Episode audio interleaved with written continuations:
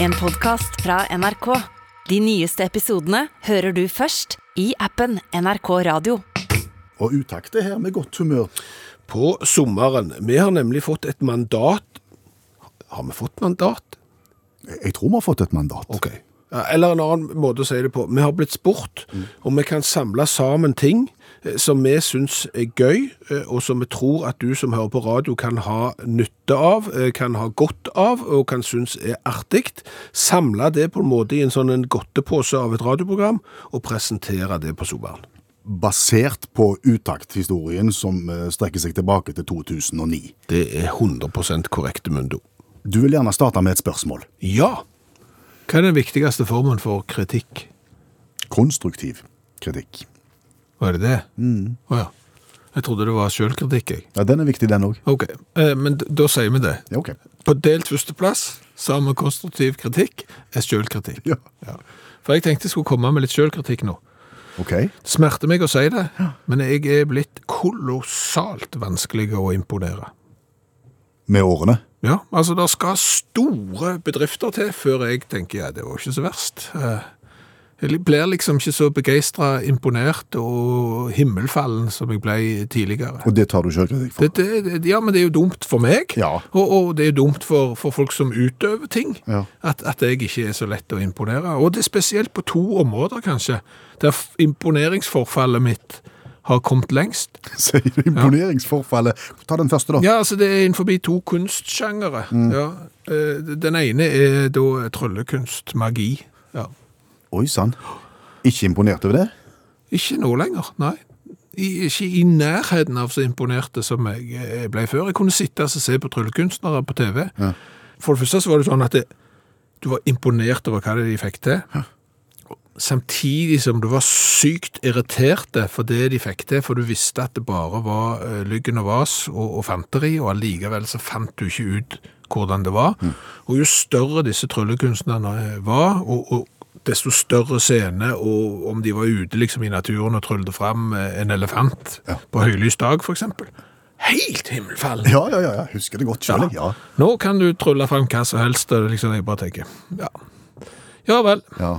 sånn er det blitt. Jeg, jeg får litt sånn assosiasjoner til, når du sier at vi, vi så det på TV, så jeg får litt assosiasjoner til når, når eh, Streken kom på TV. Husker du Streken?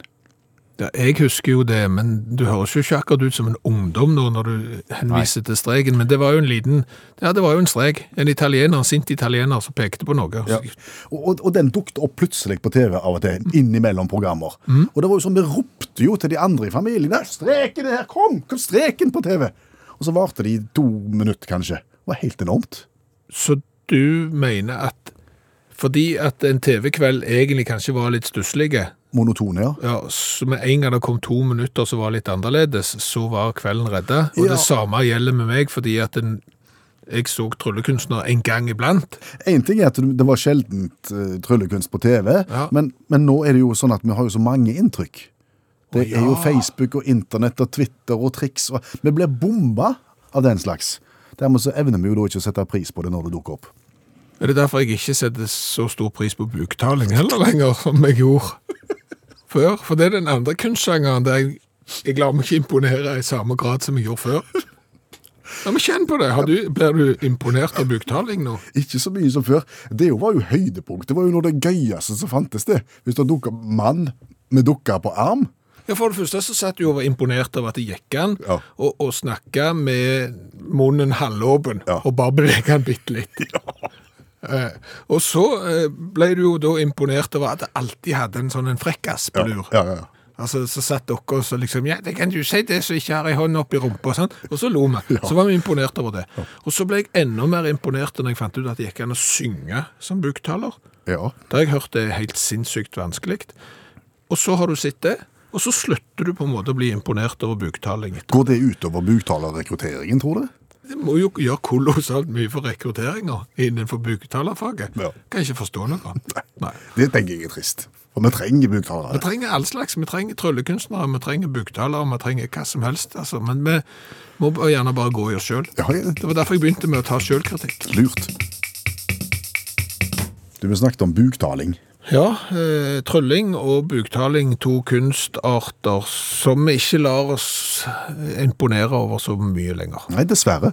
Men jeg har faktisk bedrevet en form for buktaling i det siste, jeg, med, med relativt stort hell. Altså en form for buktaling. Ja. Det er jo litt sånn, altså enten så er det vel buktaling, eller så er det vel ikke. Nei, Det kan vi da avgjøre når vi er ferdig med, med denne praten her, om hvorvidt det er det eller ikke. Men det er et partytriks som jeg har lært. Skape med munnen lyden av en eh, telefon som er satt på lydløs med vibrering, som ringer. Min første tanke er jo du skal komme på det òg. Ja, du skal det. Ja, men, ok, men det, høres, sånn- det høres omtrent sånn som dette her ut. Ja. ja. Ja. Jeg, jeg kjenner den lyden. Det er jo litt, eh, jeg kommer litt an på hva underlaget han ligger på. Altså Har du han i innerlommen, så er han litt, hu- litt sånn mer ullen i klangen. Har du han liggende på bord, så Ja. rister han kanskje litt mer. Men ja, eh, en lydløs mobil. Ja, og, og det er jo gjerne sånn at hvis du er i et, i et eller annet selskap eller en eller annen forsamling, så skrur du da telefonen på lydløs, men har på vibreringen, sånn at du kjenner om han skulle ringe. Og jeg var en plass hvor, hvor en, en, en kar eh, var enormt god på å lage den lyden der. Og når han da lager den lyden der, så begynner jo alle folk å ta seg på lommene. For de hører en lydløs mobil, så ringer et eller annet sted, og kan det være min. Ja, ja, ja, det er et godt triks. Ja, det er kjempe, Ja, ja, kjempetriks, ja. er det. Så jeg, jeg, jeg så jo på han, og fikk snakket litt med han etterpå, og så øvde vi litt sammen. Sånn at jeg tenkte jeg kan også prøve å praktisere her. Og det fortsatte jeg med i dagene som fulgte, med hell.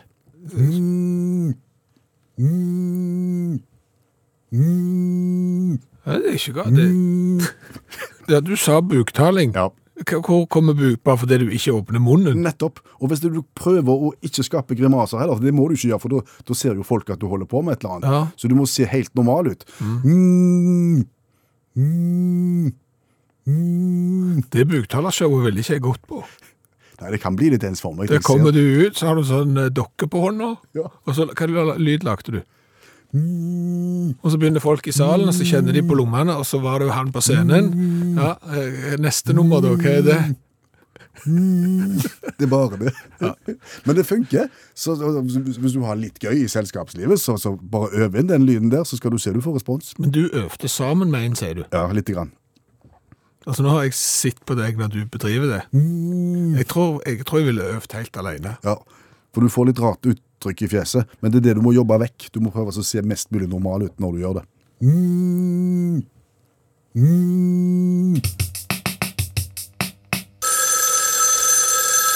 Hallo, ja. Hallais, Klingsheim! Hei, Stavanger-smurfen. Stavanger-kameratene go, go, go. Jeg skal trege deg igjen. Men du! Ja. Hører du har fått sommerjobb? Ja.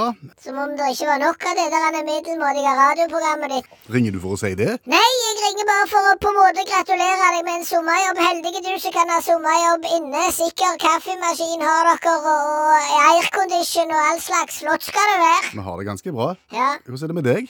Jeg har ikke sommerjobb, Du har ikke det? men jeg har hatt. OK. Ja. Hva drev du med da? Den aller første sommerjobben jeg hadde, da malte jeg sammen med kajakken. Naboen? Ja, kajakken hadde sånn malerfirma. Å ja. Han er jo løsemiddelskadd fra fødselen av. Så, så han drev jo på med det. Og, så, og så kom jo jeg, og så fikk jeg lov å være med, for jeg skulle ta alle de der små plassene, de som du ikke kommer så lett til. Ja, for du er jo ganske liten. Ja, Så jeg fikk jo ansvaret for sånne kesimser og, og vinduskarmer og sprosser og all slags sånn. Ja. Så jeg sto jo der og malte en s- fin sommersdag, og, og så gikk kajakken. Han gikk. Ja, han fikk en telefon fra noen kompiser, vet du, og så er han jo litt Ja, du vet hvordan han er i kajakken, han blir litt lett distrahert. da. Ja. Så skulle jo de ut, og så havna de på galeien. Ja. Og så husker jo han litt seint, siden han Ja, sant, du skjønner? Ja. Så, så da ble jo jeg stående der oppe på, på, på den der vindusposten. Å ja. Høyt opp under mønet, eller? Ja. Og kom ikke ned? Nei! Fra meg? I to dager. Nei, er du galen? I to dager med sol og fint vær ble jeg stående der f- før uh, kajakken kom på at han hadde glemt noe. Oi sann. Da møtte han opp. Hvilken forfatning var du i da? Da var jeg pjusk. Ja, Det vil jeg tro. 103 pjusk. For det første var jeg jo dehydrerte. Ja. Og så var jeg så sinnssykt solbrente. Du har stått her i to døgn, var det så? Ja, på de to fineste dagene i året. Hadde du smurt deg? Nei, jeg hadde jo ikke det. Jeg skulle jo male. Ja. Og så skulle jeg hjem. Hadde jo ikke tenkt å bli stående der. Nei. Det er jo da kajakken, den smartingen, Ja. påstår at behandlingen da for eh, solbrenthet Ja. er urin. Det var Urin! u urin. Urin, ja! Jeg sier det, kajakken, du er riv ruskende galen, sier jeg. Det er ikke urin mot solbrenthet. Det er hvis du har vært ute og så rekt på ei sånn ei brennmanet eller noe. Men før jeg hadde fått sukker for meg, så sto jo han der med snabelen ute og så piste på meg. Nei, må du være greie. Ja. Han gjorde ikke det. Jo, for han insisterte på at det var behandlingen mot solbrenthet, så jeg dusjte jo i 14 dager etterpå. Ja, Det skjønner jeg. For å bli kvitt stanken av kajakken, og etterpå der så la jeg meg i sånn et aloe vera-bad. Så lå jeg der i 14 dager og håpte at huden ikke skulle forsvinne, men det gjorde han. Han gjorde det, ja. Ja, ja, jeg fikk han tilbake etter en stund, men, men det ble ikke helt det samme, for å si det sånn. Og etter det så har ikke du hatt sommerjobb, eller? Ikke fysisk. Nei vel. Ja, altså ikke sånn kroppslikt arbeid. Nei. Nei, nå bruker jeg kun mitt intellekt. Mer administrativt, hvis du skjønner, Klingsheim. Kvinnesland. Ja, ja, samme kan det være. Det er mer administrativt for det. Jeg klekker på en måte ut ideer, og så får jeg andre til å så sette de ut i livet. Så slipper jeg sånne leie erfaringer med å så sitte eh, solbrente fast på en vinduskarm i to dager. Skjønner. Ja. Så det er ikke sånn at hvis noen hører på nå og har en sommerjobb å tilby deg, så skal de ta kontakt? Nei, på ingen måte. På ingen måte, Klingsheim. Dette fikser jeg sjøl. Ok, greit. Ha det! Ha det. Jeg har jo sett spøkelser. Ja, du sier så. Ja, to ganger. Ja. Og så pleier du å si 'men jeg tror ikke på det'. Nei. Og det er verdens største selvmotsigelse. Ja, for så vidt, men jeg eh, har vel gjerne innfunnet meg med at hjernen er et sånn et rart instrument, så du kan innbille deg nesten eh, hva som helst. Så derfor så har jeg sett spøkelser to ganger, men jeg tror ikke på det. Hvordan så de ut? Nei, det var sånn vage eh, mannsskikkelser. Å ja. Eh, Ja, uten helt klare trekk, men eh, ja. Eldre? Yngre? Ja, vanskelig å si. Men, men det er ikke det det handler om her nå. Eh, For det er jo sånn at eh, jeg har sett spøkelser to ganger og tror ikke på det. Men det er svært mange som tror på spøkelser. Og de som, mange av de som tror på spøkelser, de eh, har jo ikke sett de. Nei. De Fordi bare at- fornemmer at de er der. Ja, de, de, de er ikke synlige, men de er i rommet eh, og driver garp. Skrur på fjernsynet når du minst eh, aner det, river ut kopper fra en eller annen hylle og, og, og den slags. Mange tror på det, men har som sagt ikke sett de. Nei. Nei. Og det fikk meg til å tenke på at hvis det er noe i rommet der som du ikke kan se, men som kan se deg Hele veien. Ja. Bare tenk deg nå for eksempel at du er hjemme alene. Mutters hjemme alene, bare deg i, i huset. På et eller annet tidspunkt i ditt liv når du har vært mutters alene og, og er klar over at ingen andre er der, så har du gjort noe dumt. Ja. ja, det. Du har gjort noe som ikke tåler dagens lys. Ja. Der er de menneskene som har eksperimentert for eksempel med sin egen kropp på unevnelig vis, som de ikke vil stå fram med. Ja, det er de som har overfor tatt noen. med seg folk hjem til sitt eget hus, som de ikke burde gjort. Å ja, der har du òg, ja. Der har du sjefen som tok med seg sekretæren hjem fordi at han visste huset var tomt. Mm. Da skal du jo tenke på det at hvis du tror da på spøkelser, så har spøkelset lagt merke til alle disse tinga som du tror at ikke eh, noen legger merke til. Spøkelser har sett de utroligste ting. Ja, men de, de har jo det. Men tror du spøkelser snakker med andre spøkelser? Jeg vet ikke om de har sånn formiddagskaffe, at de møter, møter spøkelser fra nabohusene for eksempel, og, og skrur på TV på Garp eh, i det huset, Nei, men og det- neste dagen etterpå så samles de til formiddagste og river ut noen kopper i et annet hus, jeg er ikke sikker. Ja, det er nå det, men jeg tenker, møtes de og, og utveksler hva de har opplevd? Eller har, har spøkelser taushetsplikt? Ja, det er akkurat det jeg er litt usikker på, men hvis du tror på spøkelser, så eh, tror du jo da kanskje også at i det øyeblikket du forlater eh, jordens overflate, og havner i det hinsidige, så skal du jo da i prinsippet treffe disse spøkelsene igjen, Au! Som har sett mye. så, som har sett ting som du tror at ingen har sett, men de har sett alle de tingene du har gjort som ikke tåler dagens lys. ja. Og kan du tenke deg der du går ned den der lyse tunnelen, eller hva du går ned for noe, jeg vet ikke jeg, og så kommer du ut til utgangen, og så møter du noen. ja, Men du vet jo ikke hvem som har sett deg. Jo, det vet du ganske fort. Hvordan vet du det? Altså, nei, spøkelsene har du jo ikke sett. Nei, men du ser på noen som vet noe som de ikke burde vite. Det er ganske tydelig, tror jeg. Og, og du møter en eller annen som står med et flir av munnen, og som lyser 'jeg vet noe som ikke du vet'. Da, da, da har han sett et eller annet som du Og så kan han gjerne fortelle om det, i detalj. Og da er det ikke sikkert at du vil være der allikevel. Nei. Hva får vi ut av dette? da? Det, det er noe å tenke på. Hvis det er sånn at vi blir observert. Ja. Hva er lukten av utakt? Lukten Ja. av utakt. Old Spice. Nei, det er det ikke. Det er ingen av oss som bruker det. Nei, men det står ei flaske på kontoret, og den ble brukt én gang. Og jeg føler at odøren sitter ennå. Ja, du kan si kontoret vårt lukter litt Old Spice, men jeg tenkte mer at eh, hvis du kommer inn i et rom, så kjenner du, å, her lukter det utakt. K- Hva lukter det da? Ja, hvis du skal lage en saus, da, så tenker jeg at du har en dash cola, og så har du litt peanøttlukt, og så lukter det litt haugamle sardiner og kjøttkaker fra krigen. Ja, n- noe sånt. Det er det jeg òg tenker. At du- alle de luktene der sammen, for det er ting vi har vært innom i utakt. Ja, altså, ja her, her lukter det utakt. Hvorfor spør du egentlig? Fordi at lukt er spesielt. Vi mennesker kan skille titusenvis av forskjellige lukter. Og i motsetning til andre ting som vi opplever, så er det visstnok sånn, det her må jeg støtte meg til forskningen da, at, at lukt, det går rett gjennom br- hjernen. Det går liksom ikke innom sentralhjernen først til, til behandling. Det er lukt. Det er ingen filter. Nei, det er raka veien inn. OK. Eh, Og dermed så er det sånn at firmaer bruker lukt for å fremheve seg selv og produkt. Sier du at det lukter ting i butikkene? Ja, de tilsetter lukt i, i rom og i butikker for at det skal lukte helt spesielt, og at folk liksom, å ja, her, her lukter det utakt, ja. Men er det nødvendig? Jeg tenker, lukter ikke varene eh, som finnes i de butikkene i seg selv? Altså i en kaffebutikk så lukter det jo fantastisk kaffe. Ja, det skulle du tro, men så gjør de gjerne lukta enda sterkere, fordi at Time Magazine, Ja. det er ordentlige folk. De stoler vi på. De, de hadde en reportasje om at i en butikk så lukta det mye sjokolade og, og hjemme nybakt brød i, i New York. Så viser det seg at den lukta der, lukta av eh, sjokolade og nybakt brød, er kunstige. Den er tilsatt butikken for at det skal lukte det. Med vifteanlegg og sånn. Ja, men du lager, setter lukt inn i ventilasjonssystemet, og dette her er det forsket på. Nike, det er jo en relativt voksen og stor eh, sportskjede. Ja. De har forsket på dette her, og, og har funnet det at eh, når folk går inn i butikken, så har de kanskje en idé om at det er mulig jeg skal handle i dag. Men hvis du tilsetter lukt i butikken, så stiger antallet som går inn i butikken med en tanke om å kjøpe noe, til faktisk å kjøpe noe med 80 prosent. Men hva skal det lukte i en Nike sportsbutikk for at du skal handle? Ja, det, det sier artikkelen Gammel gymsopp? det sier- sier artikkelen ingenting om. Nei, men he- he- ja, her, luk, her lukter det svette, gitt. Nei, jeg tror ikke det. Eh, Men for eksempel en bensinstasjon, Ja. de skal jo ikke lukte Nei, der bensinstasjon. lukter det pølse og bacon. Ja, det s- trodde du.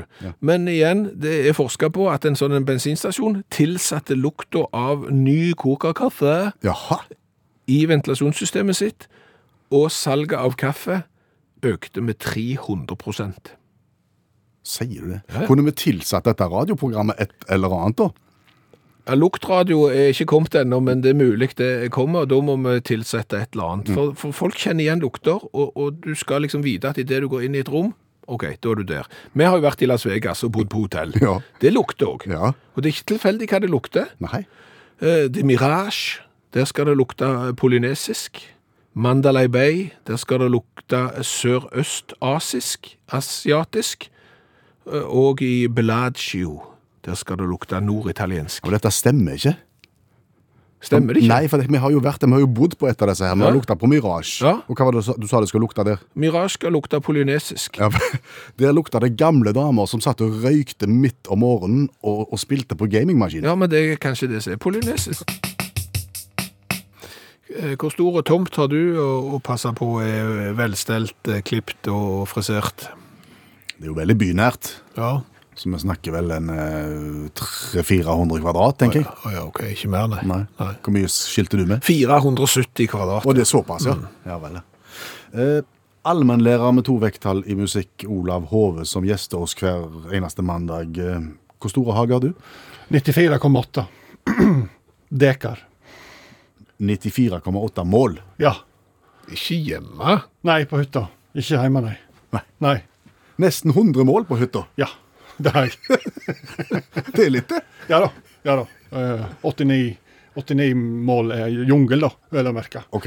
Ja. uten apekatt, så det Men eh, Det skal holdes. ja, det skal det, veit du.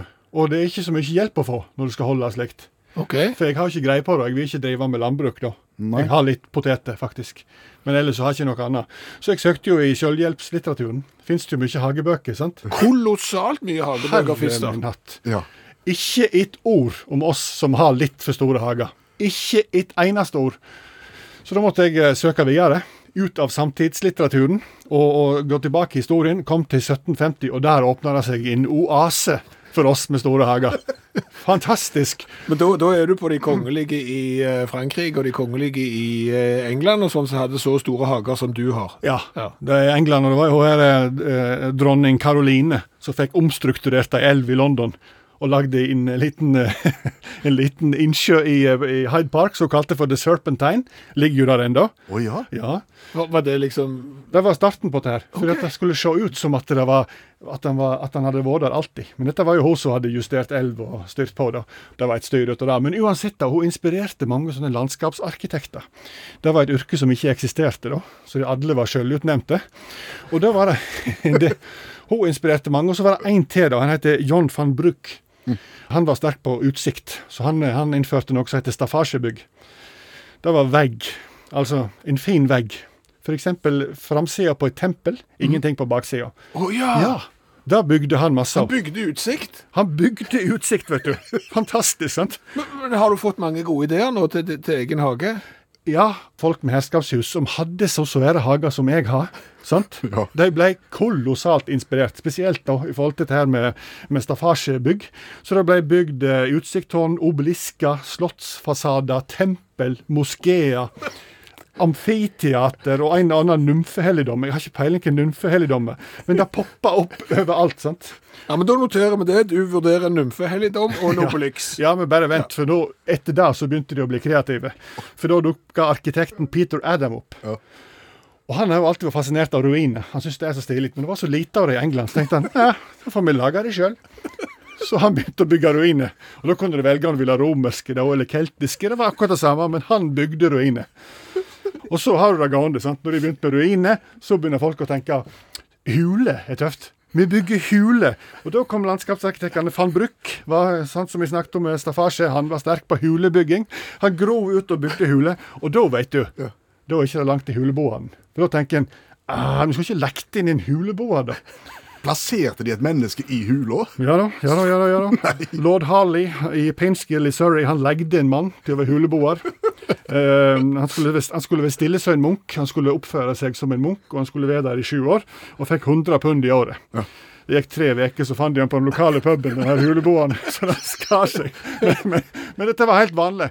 Og hun er eh, Hvis vi da skal gå tilbake til hun Caroline hun som bygde, hun, Huset som- bygde innsjø. hun som startet det hele, hun, hun bygde seg da en sånn eremitasje i hagen sin. En Eremitasje. Det er der eremitten bor, er det ikke det? Ja, så fikk hun tak i en eremitt, nemlig nærmere bestemt poeten Steffen Duck. Og, så- og sa 'her skal du bo, og så skal du skrive'. Og så var det mange som spurte 'hvorfor har du en poet i hagen', liksom. Så tenkte jeg nei, for jeg føler at eh, det er et statussymbol med en poet i hagen. Så da lurer jeg på, jeg skal jeg ta og kutte ut poteten og få tak i en poet? Ja, men altså, se, du, du, får, eh, du bygger ei hule med eremitt, får du én eh, dikter som skriver på nynorsk, det er viktig, Selvfølgelig. ja, og så får du f.eks. et sånn num- nymfekapell og et par obelixer og eventuelt et romersk teater og en ruin. Så, så har du ikke mange mål igjen. Nei. Da er det ordna, da. Til- Lykke til med hagearbeidet. Takk. Allmennlærer med to vekttall i musikk. Olav Hove. Du, jeg eh, tenkte at kanskje vi burde vise litt mer journalistiske muskler i dette radioprogrammet her. Og da tenker du på Nei, altså litt mer substans inn. Eh, litt mer journalistikk, ikke bare det der skumma overflaten liksom og tøyse og tulle og, og, sånn, men rett og slett gå djupt inn i saker og løfte opp problemstillinger. OK. Ja. Skal vi begynne med det nå, tenker du? Ja, ja, ja, jeg har allerede begynt. Du har begynt? Ja, jeg er jo egentlig i mål. Ok. Ja, ja, nå skal jeg bare presentere den saken som jeg har, har planlagt, ja, Du- du har- som, som jeg er ferdig med. Du har bedrevet undersøkende journalistikk. Det vil jeg si. Og hvis du skal da presentere resultatet ditt av jobbingen, eh, hvilken overskrift skal vi da sette på det? Jokkapalmen er død. Ja, du kan le, du, men, men det er sant. Jokkapalmen er død. Jokkapalmen er død. Ja. Hva er jokkapalmen for noe? Du vet jo det. Ja, jeg vet hva det er, men det er ikke sikkert alle vet hva Altså, det er. Jokkapalmen det er jo den potteplanten som alle hadde hjemme f- før, og som du gjerne kunne sette på hybelen uten vann når du reiste hjem på sommerferie. Når du kom tilbake igjen, så så han litt pjusk ut, men det var bare å drive litt gjenoppliving, så var han i gang igjen. Ja, og når du sier potteplante, så var det jo ikke en liten tase. Nei, det kunne han være, men han kunne fort bli stor òg. Ja. Sånn at hvis du virkelig tok vare på han, så kunne jokkapalmen vokse og bli stor og sterk. ja. Men den er død nå, sier du? Den er død, ja. Ja, altså, sånn eh, markedsmessig død. Han er ikke død som som plante. Nei, altså han er ikke utrydda som plante, nei. Han er markedsmessig død. Aha. Har du jobba mye med saken? Mm. Ja, det har jeg faktisk. Ok. Hvor- Hvor begynner en å jobbe da, hvis en skal, skal få, få bekrefta en sånn en påstand? Nei, først, først så begynner du å jobbe med en teori du har da, om at jokkapalmen er død. Fordi at eh, jeg har ikke jokkapalme hjemme, men jeg har hatt. Ja. Så, så kan jeg jo for eksempel spørre kollegaer, eh, har du jokkapalme? Så svarer de nei. Eh, Spør jeg om de har hatt, eh, så svarer de jo ja. Og da får jeg jo bekreftet teorien min. Og, og så må jo jeg da som dyptgravende journalist eh, finne liksom kilder da. Ja, ok, det har du gjort? Det har jeg gjort, ja. Jeg, jeg har ringt til Siri Bryne Ringstad på Brynes planter i, i Stavanger. Hun, Ok. Mhm. hun har jeg snakket med, som, så hun er kilden min, ja. Mm. Og, og jeg har, har spurt henne. Skal du høre? Ja. ok. Eh, Siri Bryne Ringstad, eh, Brynes planter i Stavanger. Står jokkapalmen like sterkt i dag som den gjorde på 80-tallet? Nei. Nei. Nei. Så der ser du. Du hadde ikke et oppfølgingsspørsmål også? Ja, jeg tenkte den kritikken skulle komme, altså. så, så jeg har jo faktisk det, da. Ja. Eh, Siri Bryne Ringstad, Brynes planter i Stavanger. Kan du huske sist gang du solgte en eh, jokkapalme? Nei, det kan jeg ikke. Nei. Nei, det ser du. Altså, Jokkapalmen står ikke like sterkt i dag som på 80-tallet, og de som driver med planter, kan ikke huske sist gang de solgte en jokkapalme. Og dermed så har du Så er du i mål med graveprosjektet? Å nei, å nei, nei, nei, du må ha flere bein å stå på. Ja. Det, det må du ha. Så, så hvis du husker tilbake når du hadde jokkaplante, Ja. eh, hvor kjøpte du den? På Ikea. Stemmer det. Du kunne jo ikke gå inn på Ikea på 80- og 90-tallet uten å komme ut med iallfall én jokkaplante. Palme. Ja, ja. Sant? Og dermed så var det sånn at jeg eh, sjekket noe med Ikea. Mhm. ja. Du, du får ikke tak i Ikea. Du får aldri tak i Ikea. Nei, du får ikke tak i Ikea. Nei. nei, da må du ringe til en eller annen som pressetalsmann en eller annen plass, og det er jo bare rot, så det gjorde jeg ikke. Men jeg gikk inn på, på hjemmesida til Ikea i Stavanger, Ja. og så sjekket jeg lagerbeholdningen deres. Hva fortalte den? De, de har 35 jokkapalmer i butikken. Hva sier det oss? Det forteller at de ikke får solgt de. ja vel? Ja, ja. Hva vet du om det, Nei, nei, fordi at eh, for eksempel ananasplante som de også selger? Ja, der er det én igjen. Å, ja. ja, ja. Og, og, og sitrontre. Utsolgt. Dupsis eh, lutensis. Utsolgt. Jokkapalme. 35. Akkurat. Sant? Ergo så, så klarer de ikke å bli kvitt jokkapalmene på Ikea. Så Der ser du. Bein nummer to står på. Saken begynner virkelig å bære frukter nå. Ja, OK. Ja. Har du gjort flere ting? Ja. Hva da? Mm. Det, det er jo det du gjør helt til slutt.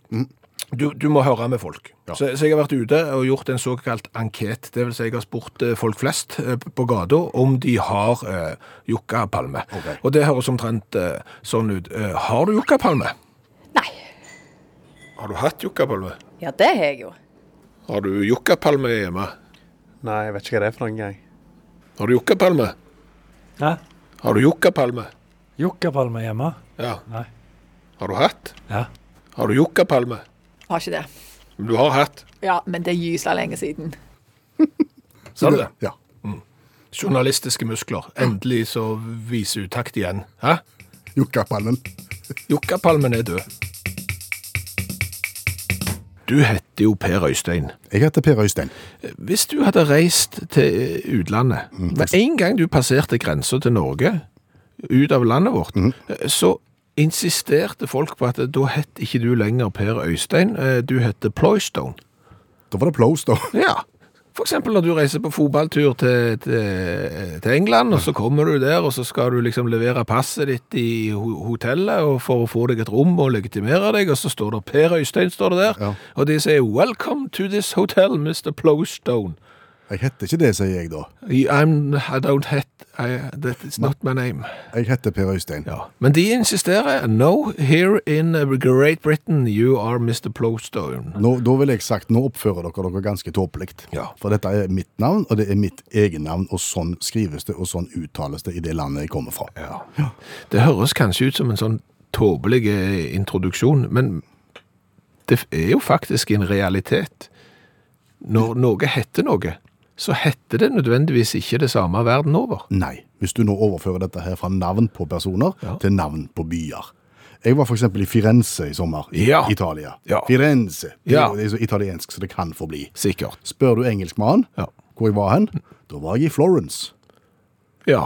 Og hvorfor må de finne på sånt? Nei, si det. Og det er jo ikke et enestående eksempel med Firenze og Florence. Nei, nei. Eh, München. Mhm, Har tyskerne bestemt seg for at byen deres skal hete? Mhm. Ja, men ikke engelskmennene. Nei, det- Da skal dette Munich. Og vi sier København, og danskene sier kanskje enda mer København. Men eh, ikke engelskmennene, nei, de sier Copenhagen. Og det er jo ikke en oversettelse heller. Nei. For en havn er jo en port, hvis du skulle liksom oversette København. Men da er det en Hagen. Jeg vet ikke hva en Hagen er, jeg. Nei. Det virker bare som at nei, vi må si det på vårt øh, mål. Vi aksepterer ikke måten du sier det på, selv om det er du som bor der, og det er du som har funnet på det. Veldig rart. Veldig spesielt. Veldig rart. Og du kan jo tro at det er bare engelskspråklige land som bedriver den slags, men det er jo ikke det. Nei, fransk mann er ikke god, han heller. Nei, franskmenn er jo verst på land, da, men de har jo for eksempel at de, de vil ikke si London. Langt derifra. London, det har ikke vi lyst til å si, så vi sier Londres. De klarer jo å si London hvis de vil. Hvis de bare Det er jo ikke, ly- øver. det er jo ikke lyder som mangler i det eh, franske språket, dette. Nei, det er jo ikke det, og, og i Sverige er jo ikke verre de heller. Altså, vi har i Norge, dette har jeg sjekket, vi har en hovedregel at på norsk så skal navn på byer skrives og uttales sånn som språ, på det språket som tales i den byen. For eksempel hvis du er i Firenze, og, og italienerne sier Firenze, da skal vi si Firenze. Ja, Det skulle jo bare mangle, tenker jeg. Ja, selvfølgelig skulle Det er jo det deres by og deres språk. men, men svenskene, de, eh, de er som engelskmennene. De sier ikke Lisboa, Venezia og Firenze, de. De sier Lissabon, Venedig og og Florence, ja. Aha. Merkelige greier. Ja. Eh, Manglende folkeskikk. Ja. Tror du det er noen norske byer som blir oversatt utenlands? For eksempel København, Mm. Copenhagen, Göteborg, Gothenburg, Eh, Oslo klarer de ikke å gjøre noe med. Oslo er Oslo. Oslo, Ja, Oslo. Og Stavanger er det. jo. Stavanger, Eh, Bergen. yes, Trondheim. ja. Eh, Tromsø kanskje, for der er det en ø som de ikke klarer. Nei, men de gjør ikke det. De sier jo Trom, Troms, Tromsø. Tromsø. Ro, Tromsø. Å, ja. jeg, jeg tror ikke det er noen norske. Jeg har hørt amerikanske og engelske forskere som reiser til Svalbard, og de sier jo Longyearbyen. Å ja, Mhm. de sier Yes, here in Longyearbyen. Og da kunne du for eksempel sagt Longyeartown eller et eller annet sånn, men nei, på, på norsk så er det Longyearbyen, og på utenlandsk så er det Longyearbyen. Så de, de eh, prøver så godt de kan. Men det er noen byer som blir eh, oversett. ikke- Altså, men da er det sånn at vi som nordmenn, vi eh, tuller ikke med det. Vi sier det sånn som de sier det i landet. Mm. Og kanskje i respekt for oss, siden vi er greie, så er det ingen som tuller med våre navn heller.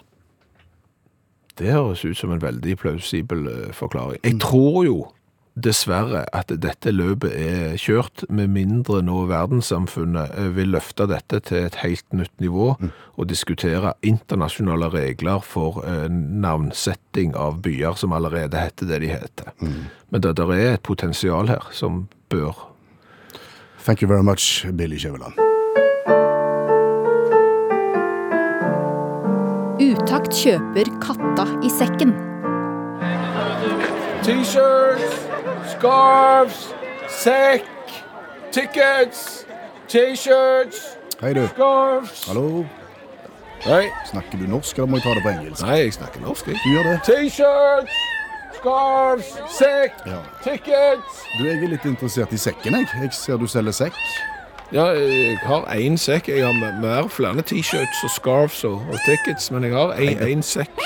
Det er bare en sekk jeg har hatt liggende her, så jeg tenkte det er jo like greit å bli kvitt den. Så, så det er på en måte overskuddsprodukt. Hører, hører du at det er en katt her et eller annet sted? Ja, når du sier det, så. Så, så er det litt Det er ikke en sammenheng mellom gjøingen og sekken, på en måte. Nei? Tror jeg ikke. Nei. Men det, men det er sant, det er litt som, som eh, når du kjøper bil. det er Av og til i starten så, så, så piper den litt sant, i en eller annen fòring eller i, i, i Bendikstrev eller noe. Ok. Og så går det over etter hvert når du bare får, får smurt opp. Mm. Ser du at nå, nå lever sekken, nå beveger han seg. Ser du? Em, skal du ha den? Jeg, jeg er litt usikker nå, men eh, får jeg den billig? Ja, ja, du Syns kan det er få... såpass mye usikkerhetsmomenter knytta til sekkens kjøpebit nå. Ja, du... Ti kroner, og da hiver vi med tickets, scarves og og t-shirts. Da har vi en deal. Jeg tar sekken. Vær så god. Ja.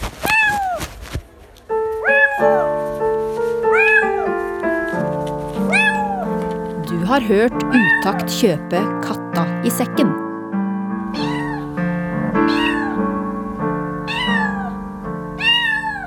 Da skal vi snart gi oss. Hva tenker du om det vi har vært igjennom? Nei, det er imponerende. Det er, helt- det er veldig imponerende at det faktisk er mulig å, å få til noe sånn i, i 2022. Hva tenker du på da? Nei, Jeg bare prøvde å snakke oss opp så godt jeg eh, kunne. Men, men jeg lurer på, eh, etter at du sto fram som imitator av lydløs mobiltelefon Ja. du, du som hører på radio nå, skulle sett. Det ser ikke, det ser ikke bra ut. Men, men har eh, mange ringt? Nei. Nå har telefonen vært på lydløs, så, så eh, jeg, jeg må nesten sjekke det etterpå. Nei, det har vært stilt. Ja, Det har- det er ingen som har tatt kontakt med deg. Spurt kan du komme på dyrskuen her nå? Eh, Kan du komme på eldresenteret? Eh, Kan du komme og etterligne lydløs mobiltelefon? Det har egentlig vært like stille eh, som det var den gang jeg lanserte meg sjøl som eh, imitator av andaktsholdere i P1. Ja. Du merker at det er et veldig God morgen. ja, du, Jeg håper du merker at det er et veldig smalt eh, marked, og at kanskje Norge ikke er moden for verken imitatorer av eh, andagsholdere i P1, som ikke lenger er det, eh, og eh, lydløs mobiltelefon. Jeg, jeg må være tålmodig. Ikke mer å si om det. Nei. Tider skal komme.